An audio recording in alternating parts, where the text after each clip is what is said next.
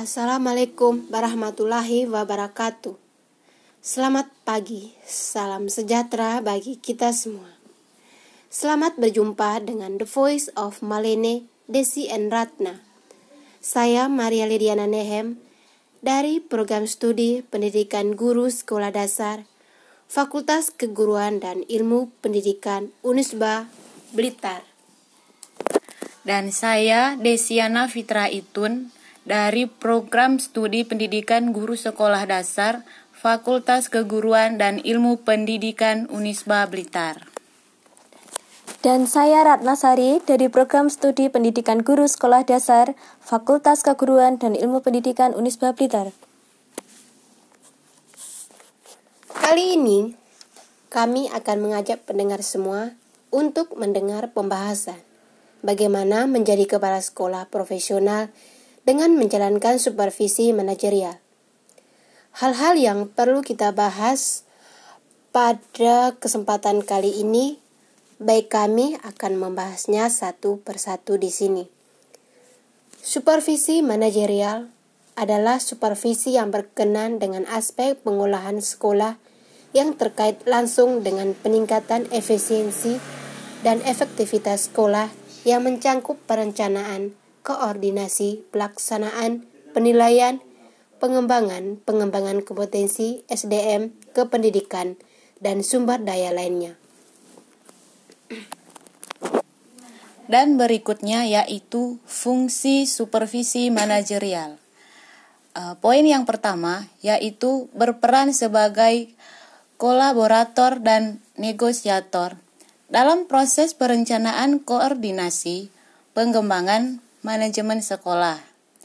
Yang berikut, asesor dalam mengidentifikasi kelemahan dan menganalisis potensi sekolah.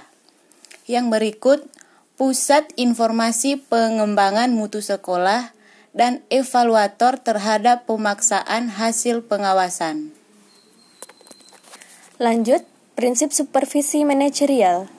Pengawas harus menjauhkan diri dari sifat di mana ia bertindak sebagai atasan, kepala sekolah, atau guru, maupun sebagai bawahan. Kedua, supervisi harus mampu menciptakan hubungan kemanusiaan yang harmonis, yang bersifat terbuka, kesetiakawanan, dan informal.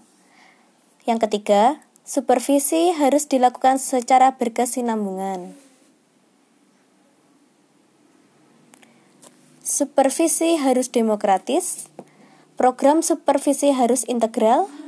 Program supervisi harus mencakup keseluruhan aspek, karena hakikatnya suatu aspek pasti terikat dengan aspek lainnya. Supervisi harus konstruktif. Supervisi harus objektif. Berikut program untuk menjadi kepala sekolah yang profesional. Apa itu kepala sekolah?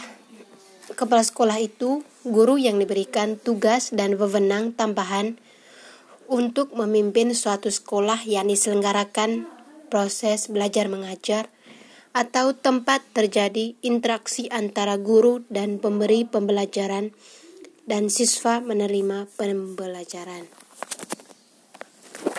Baik, yang berikut yaitu tugas tugas kepala sekolah. Namun di sini ada beberapa hal yang harus kita perhatikan yaitu yang pertama, merumuskan atau menetapkan visi misi sekolah. Yang berikut, menetapkan atau mengembangkan tujuan sekolah. Yang berikut, membuat rencana kinerja sekolah dan rencana kegiatan anggaran sekolah dan membuat perencanaan program induksi.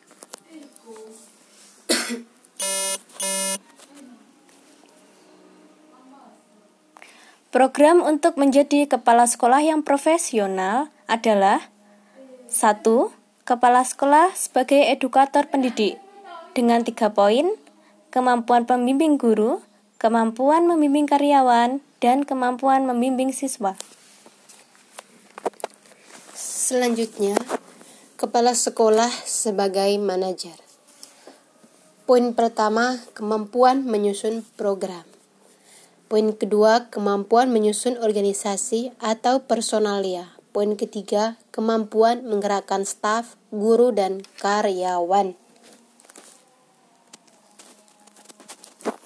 Oke, yang selanjutnya yaitu kepala sekolah sebagai administrator.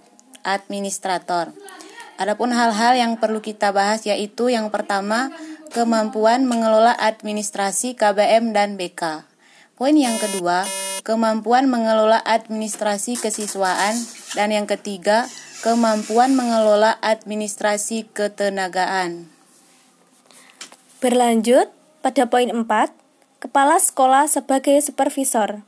Di sini ada tiga poin. Pertama, kemampuan menyusun program supervisi. Kedua, kemampuan melaksanaan program supervisor. Yang ketiga, kemampuan menggunakan hasil supervisi. Kemudian, kepala sekolah sebagai pemimpin. Poin pertama memiliki kepribadian yang kuat.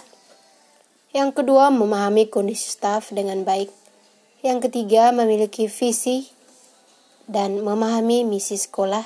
Yang keempat, memiliki kemampuan mengambil keputusan. Dan yang kelima, memiliki kemampuan untuk berkomunikasi. Demikian materi yang dapat kami sampaikan pada episode pertama ini. Semoga bermanfaat bagi pendengar semua. Apabila ada kurang lebih, kami mohon maaf yang sebesar-besarnya. Oke, mari bergabung dengan Universitas Islam Balitar. Salam entrepreneur Unisba Blitar, kreatif, integratif, dan energi. Wassalamualaikum warahmatullahi wabarakatuh.